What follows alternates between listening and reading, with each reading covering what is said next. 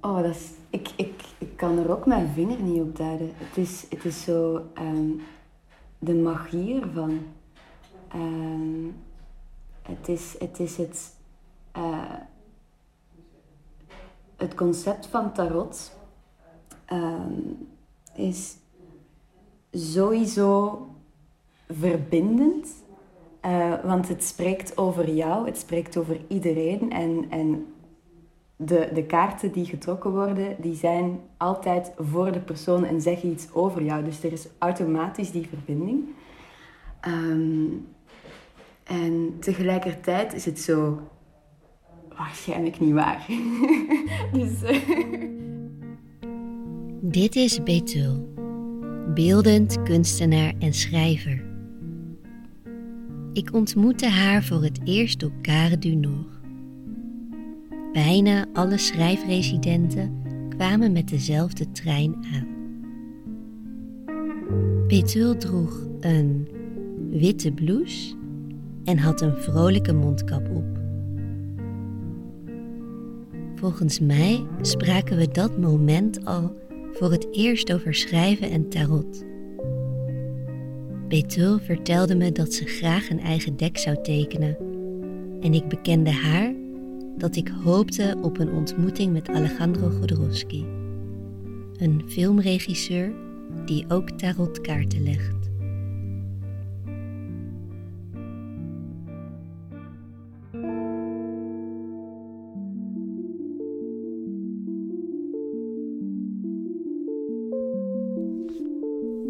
Er is iets magisch aan tarot. Iets dat aanvoelt als het begin van een verhaal of een gedicht. Er is nog niets opgeschreven, een leeg vel dat vraagt om ontvankelijkheid. Een herinnering die terugkomt of iets dat zich voor het eerst aan je openbaart. Dit is een podcast waarin tarot en literatuur samensmelten. Geïnspireerd op en een documentatie van de literaire tarotlijn. Dit is een telefoonlijn die ik samen met de buren in oktober 2020 begon. Met bijdragen van de auteurs van de schrijfresidentie van datzelfde jaar in Parijs.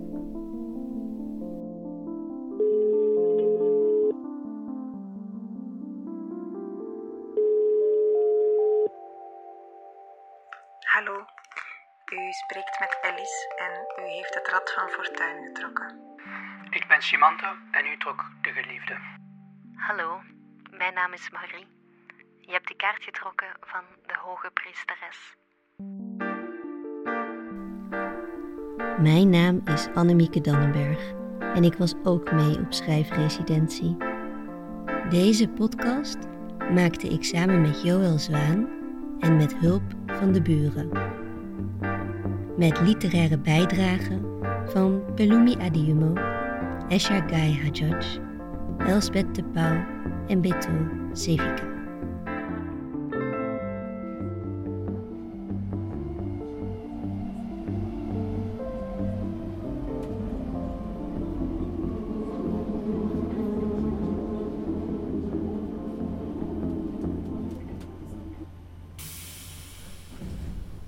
Het is zomer.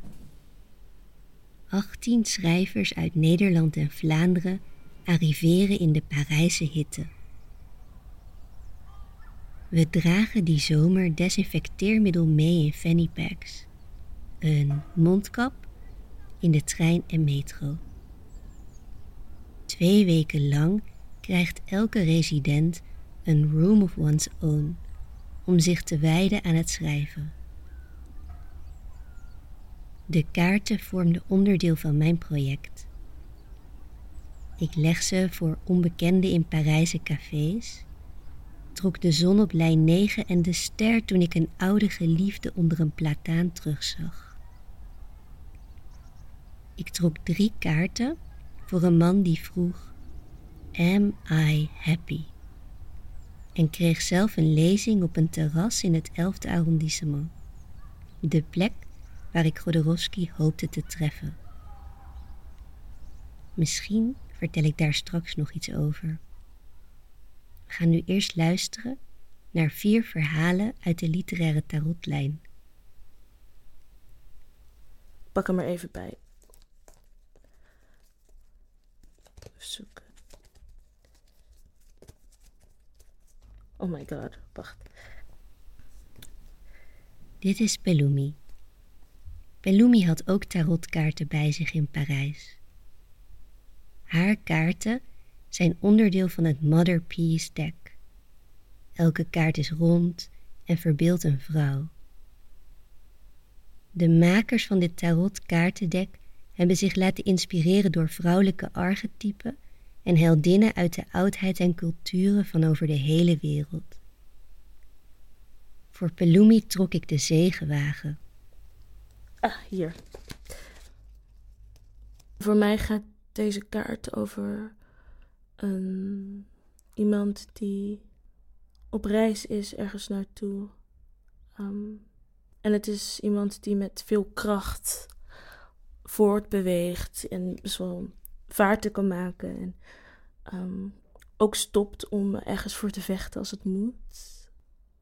Ja, maar in ieder geval een heel duidelijk doel voor ogen. En die is onderweg. Hallo, u spreekt met Pelumi Adeyumo en u heeft de zegenwagen getrokken. Stapt u in? Van Zand. De natuur is een vrouw. Moordlustig en zelfredzaam. Poëzie is pasta al dente. Het water waar men de spaghetti in stoomt, vervolgens de gootsteen inkiept, is het meug waarvoor de dichter op een themaavond voor wordt uitgenodigd. Over het grove asfalt van Legas fantaseer ik over het zijn van een natuurtalent. Ik doe. En de snelwegverkopers stuiteren achter de auto aan. Zodra ze aan mijn zijaanzicht staan, draai ik het raam omhoog. Zelf ingenomen stel ik, de snelheid waarin wij als maatschappij de afgrond ingaan, zit in onze schroom voor middelmatigheid. Een vrouw stapt een danfo in, met aan elk haar arm een rieten mand, daarin maar liefst twintig hennen. Als elke korrel zand tijdens hold-ups in beslag genomen wordt door Alcada Pupa, Marua Pupa, kinderarbeiders, spookrijders, Chelsea-drinkende conductors en oude vind ik troost aan de rand van de snelweg waar deurlijsten te koop staan, aan de regelmaat van kuilen in het wegdek, poëzie voor het oprapen. How it works. Bide a few days less than a Sanadic month with your pure family in the African sun. Menstruate for the first time on the dry land you were birthed in. Celebrate as your mum should have in her twenties there will be a cockroach scattering around your dreams, asking you to exchange bodies. Oh yeah, eat him. If you get diarrhea, uh-huh. spit at the orange colored sand, you can. Travel by public transport alone at night, lock eyes with a chicken sitting in front of you. The next day, a lady from the neighborhood will knock on your door, and hair shall grow reaching your bum bum. Ga naar huis. een vrachtwagen. De achterdeuren staan open, denderen mee op de maat van de wind. Een man zit naar mij toegedraaid op een stoel achter hem. In de kern van de wagen liggen Ginger, Sabrina, Palemu, Tracy, Clara en Mathilde, weesmeisjes met wie ik van identiteit ruil. Buiten klinkt een fluit of een gillend kind of de bijtende krijs van een onthoofde geit, een straatprofeet, om zes uur ochtends, voor niemand in het bijzonder, de bijzonder vroege vogels, de passie, de passie, de passie. Tussen alle glorie en verlichting doortrekt toneelgroep Oostpol aan mijn mouw. Hoe nu mens te zijn is geen vraag, maar een kwaadaardige moedervlek, koortsdroom veroorzakend, alles gebeurt gelijktijdig. Alle wegen zijn van zand. Dit huis is van zand. Dit gedicht is een sediment, zinkend door het afvoer. Tijd is een leeg vel, twee strakke papier, zorgvuldig opgevouwen als muizentrappetje. Alle introverten verlaten Lagos als een moralistische ondernemer een derde wereldland, als poëzie een themaavond.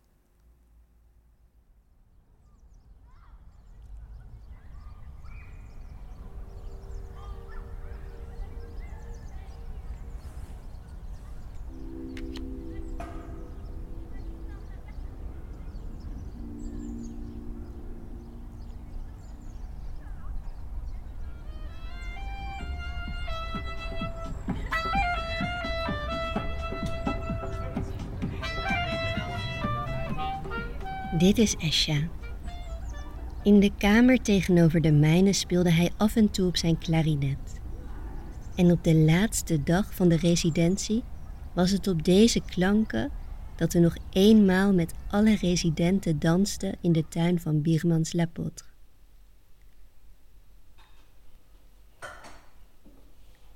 In de keuken tijdens het ontbijt vertelde Esha me meer over Kabbalah wat me aantrok in Kabbalah, dat, was dat eigenlijk iedere tekst wordt gezien als een uh, oneindig vat van interpretaties.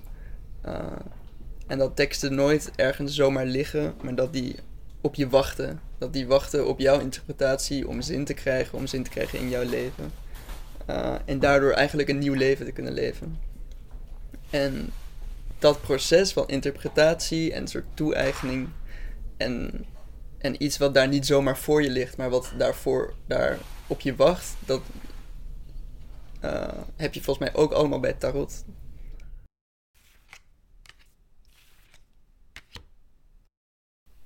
Voor Esha trok ik de toren. Een kaart die gaat over een grote verandering. Ik schreef hem een brief over de manieren waarop deze kaart geïnterpreteerd kan worden. Ik kreeg snel een antwoord. Esha schreef in de PS. Trouwens, Annemieke. Even dacht ik dat je helemaal niet een willekeurige kaart had getrokken, maar expliciet op zoek bent gegaan naar eentje die bij me past.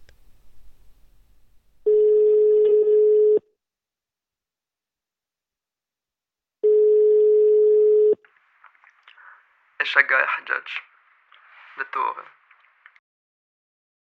hey, luister, heb je even? Ik moet je een situatie voorleggen. Sorry, maar je kan niet praten tot ik het verhaal helemaal heb verteld, oké? Nina mag het namelijk niet horen en ze is net naar buiten gegaan om brood te halen, dus die kan ieder moment terugkomen. Dus ik weet dat het maar een paar weken geleden is sinds we voor het laatst hebben gepraat, maar er is zoveel gebeurd deze maand. Ik denk dat 2020 de verloren quarantaine maanden wilde goedmaken door alle gemiste tijd in één maand samen te persen. Iedere dag gebeurden er twintig dingen en ik had amper tijd om stil te staan om maar met de deur in huis te vallen. Ik heb iemand anders ontmoet. Nina was een paar weken op vakantie en ik heb mijn emoties laten leiden door de hittegolf die over Parijs trok. Op een dag bleef ik bij Valérie slapen, zo heet ze trouwens, en ik ben vervolgens wekenlang bij haar thuis gebleven. Ik weet het, ik weet het, ik, ik ben met Nina, maar je had haar moeten zien. Zelfs jij zou me begrijpen. Ze is een klein wonder, weet je. Ze houdt van kampvuren maken, kan tientallen vogelsoorten onderscheiden en in haar vrije tijd legt ze haar meubels in met mozaïekpatronen. En bovendien, ze spreekt alleen Frans. Dus ik moest me de taal van de liefde eigen maken om haar liefde eigen te maken. Snap wat ik bedoel? Oké, oké. Sorry voor de woordgrap. Ik merk dat ik mezelf tegenover je probeer te legitimeren, omdat ik weet wat je denkt. Wat een eikel. Hoe kan je dat nou doen tegenover Nina? Enzovoort. Bespaar me de oordelen voor een ander keertje. Nu heb ik je hulp nodig. Wat je namelijk ook niet weet, is dat Nina en ik een maand geleden besloten hebben om samen naar Praag te verhuizen. Zij kreeg daar een ongelooflijk goede baan aangeboden en ik. Ja, ik heb toch niets dat me in Parijs houdt. Tenminste, dat dacht ik. Nu krijg ik Valerie maar niet uit mijn kop en het idee om nu op dit moment samen te wonen met Nina in een stad waar ik niemand ken, waar zij niemand kent, terwijl ik met mijn hoofd duidelijk bij iemand anders ben. Ik weet niet of dat me gaat lukken. En eerlijk gezegd weet ik ook niet of Nina daar gelukkig van wordt. Weet je nog dat we twee jaar geleden gingen samenwonen? We gingen nooit het huis uit. En nu heb ik echt wel behoefte aan wat afstand. Gewoon om mijn gedachten wat op een reisje te zetten. Ik ga haar heus niet verlaten, ik hou van haar. Maar we zijn nu deze week in Praag om naar huizen te zoeken. En we vinden amper iets. Niet door het huisaanbod, maar omdat ik mezelf maar niet kan motiveren om mooi weer te spelen. En doodleuk met haar naar de appartementen te gaan kijken, waar we waarschijnlijk toch nooit in zullen wonen. Dus ik vraag me af: Wat moet ik doen? Ik ken Valerie maar een paar weken. Het is krankzinnig om daarvoor alles op het spel te zetten. Maar stel je voor dat ik doe alsof er niks aan de hand is, om dan over een week toe te moeten geven dat ik niet met haar kan samenwonen. Wat een timing. Als ik nou een maand eerder had ontmoet, dan had het allemaal anders kunnen lopen. Wist je dat mensen sneller verliefd worden in onzekere omstandigheden, wanneer het toch onmogelijk is om echt een relatie met diegene aan te gaan? Dat verklaart ook al die zomerliefdes en. Shit. Ik hoor iemand op de trap komen. Het is Nina. Ik ken die zorgeloze voetstappen uit thuis en ik moet ophangen. Als je op één drukt, dan kan je een bericht achterlaten in mijn antwoorden. Als je op twee drukt, dan kan je een andere kaart trekken. Sorry, ik heb je amper aan het woord gehad, maar ik moet nu echt gaan, oké? Ik spreek je.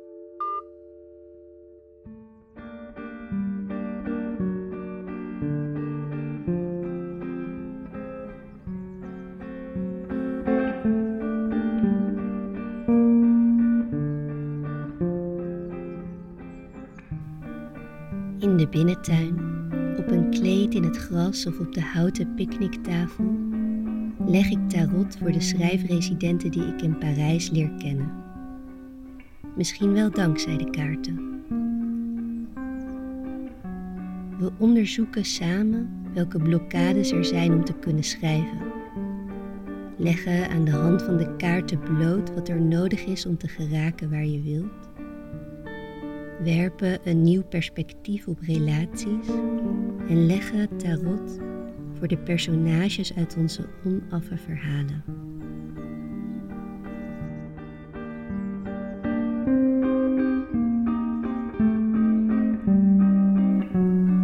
Er is een luik dat krakend op een kier wordt gezet. Een microcosmos die zich uitbreidt. De aanzet voor een verhaal waarin alles weer mogelijk wordt.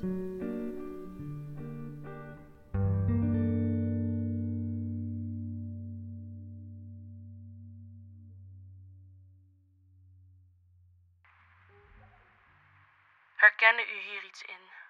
En wilt u dat met ons delen? Toets een 1 en vertel uw ervaring. Laat een boodschap achter.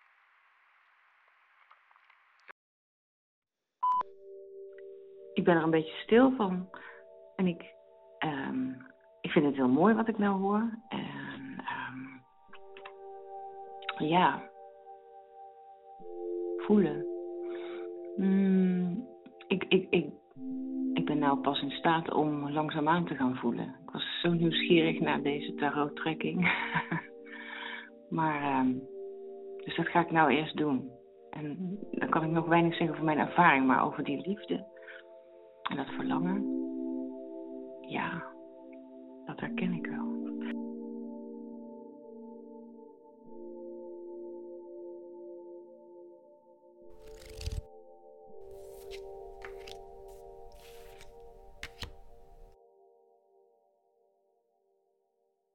Ik denk dat de betekenis van zo'n kaart, die legt sowieso al verbanden die je initieel niet zou leggen. Bijvoorbeeld uh, de maan, die legt een verband tussen dromen en angst en verbindt dat dan met moederschap. En ja, ik denk toch dat dat niet per se een, een gangbare interpretatie is. Dit is Elsbeth. Tijdens de Parijsresidentie maakte ze lange wandelingen. Ze nam dan plaats op een bankje of terras en liet zich inspireren door wat ze zag. Stel je voor, een man in pak die een zak Doritos wegwerkt. Of iemand die haar een plastic vis wil verkopen aan haar tafeltje. Voor Elsbeth trok ik de maan. Een kaart die past bij de thema's waar ze het liefst over schrijft. Zoals lichamen en onbehagen, vrouwelijkheid en moederschap.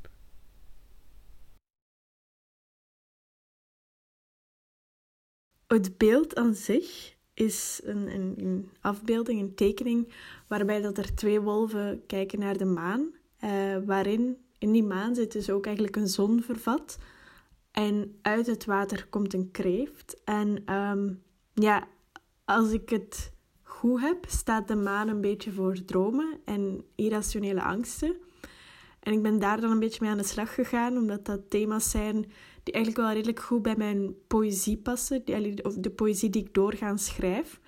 Dus ik heb dat een beetje uitgewerkt en kon dus eigenlijk ja, met weinig moeite bij mijn eigen stijl, dicht bij mijn eigen stijl blijven, omdat het zo'n dankbaar uh, element was. Hallo, u spreekt met Elsbeth en u heeft de maan getrokken. In een droom baarde ik een kind dat op een flespompoen leek. Werd nerveus toen ik haar een naam moest geven, vergat in haar een consequentie te zien. Ik liet slakken over mijn huid kruipen tot de slijmlaag dik en overtrokken genoeg was om voor gelamineerd door te gaan, een vacuüm mogelijk te maken. Ik waste de natte donkerrode geur van moederschap uit mijn kledij. Vroeten in de aarde naar begraven babybornpoppen voelde enkel de doorknipbare regenwormen aan mijn vingers. Ik krulde mijn lichaam om haar heen, paste haar in alle mogelijke deuken in de hoop dat mijn huid haar zou opzuigen, van mij terug een meisje zou maken. In mijn droom probeerde ik haar moedervlekken weg te schrobben. Ik heb gezocht naar manieren van verwijderen. Ze voor smeervlekken aangezien, brandend ammoniak op haar huid gevloeid. Met een put in het midden van mijn lichaam werd ik wakker. Iedereen die uitgehold was, heb ik terug opgevuld. In mij was een lege ruimte ontstaan.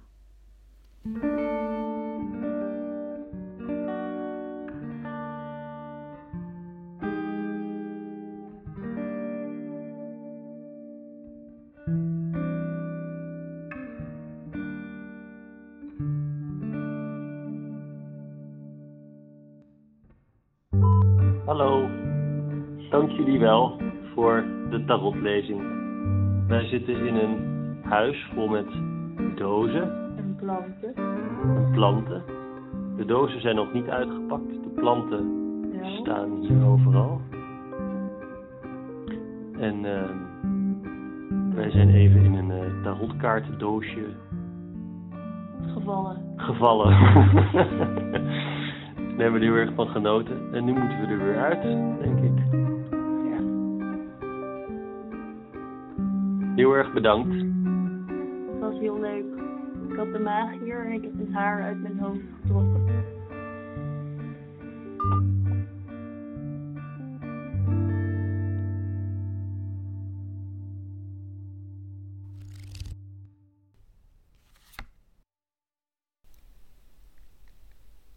Voor Betul trok ik de tarotkaart De Duivel.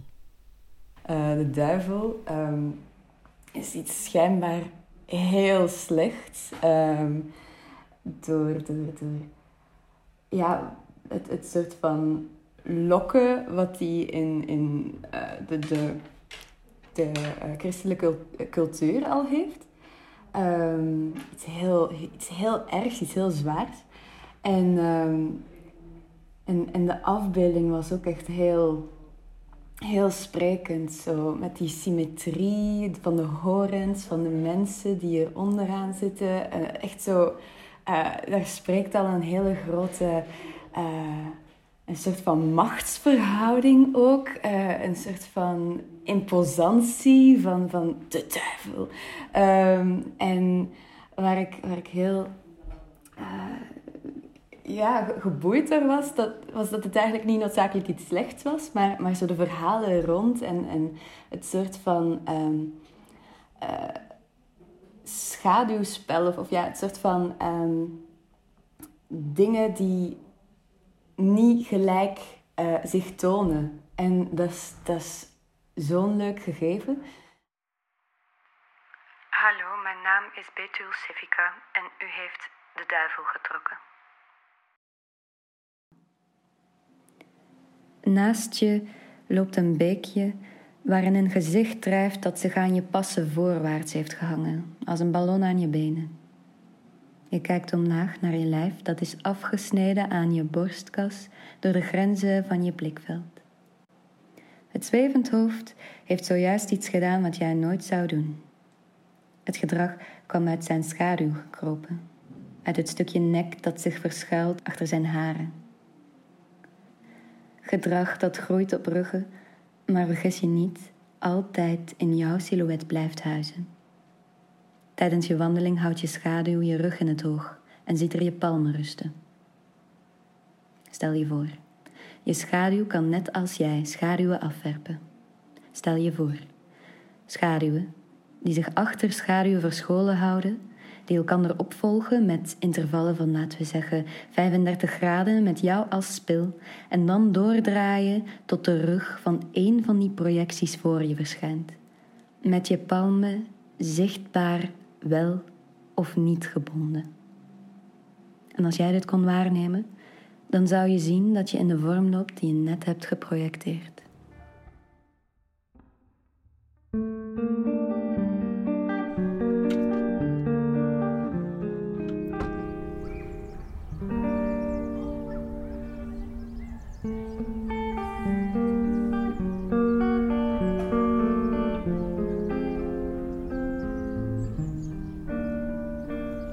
Alejandro Jodorowsky ontmoet ik niet. Maar op het terras van het café waar mijn zoektocht me brengt, legt een vrouw mijn kaarten met haar ogen dicht. Ze zijn versleten, haar kaarten. Ik heb per ongeluk een dessertwijn besteld. De smaak contrasteert met de beelden die ik voor me zie. De ober Zet voorzichtig een schaaltje olijven naast de kaartkracht, waarop een vrouw de bek van een leeuw open of misschien wel dicht houdt. Zal ze zich uiten of bindt ze in? Eenmaal terug in de kamer met de blauwe vloer, de ramen wijd open, berg ik de kaarten op. Ik zet me aan het donkerhouten bureau om te schrijven.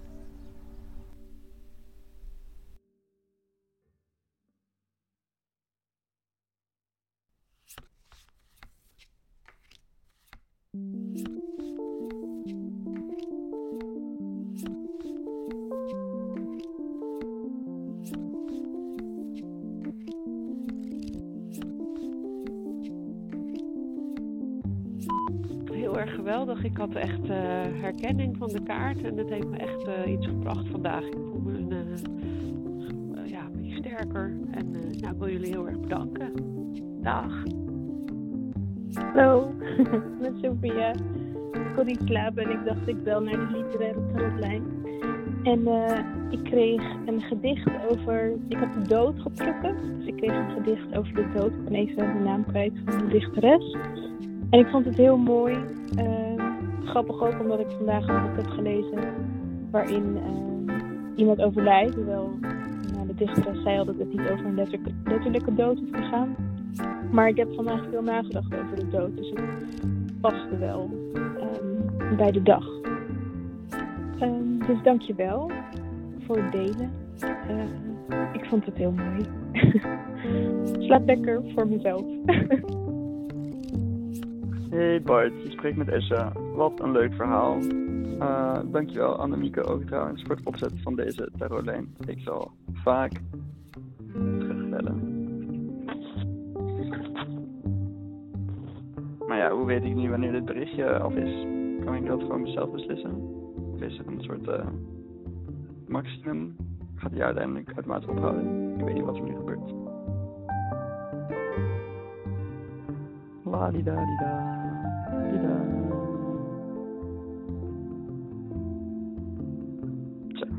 gewoon ophangen dan. Of moet ik misschien op 2 drukken? Ik zou kijken wat er gebeurt als ik op 2 druk.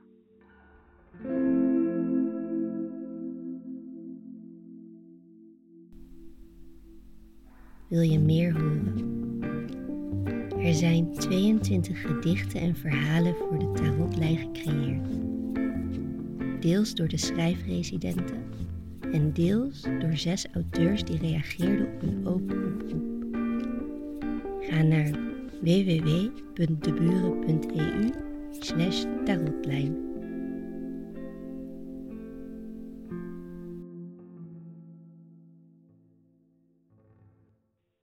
gebeurt niet zoveel als ik op twee druk, denk ik. Volgens mij ben zijn jullie nou nog steeds aan het luisteren naar wat ik allemaal zeg. Nou, ik eh, ga denk ik maar gewoon ophangen.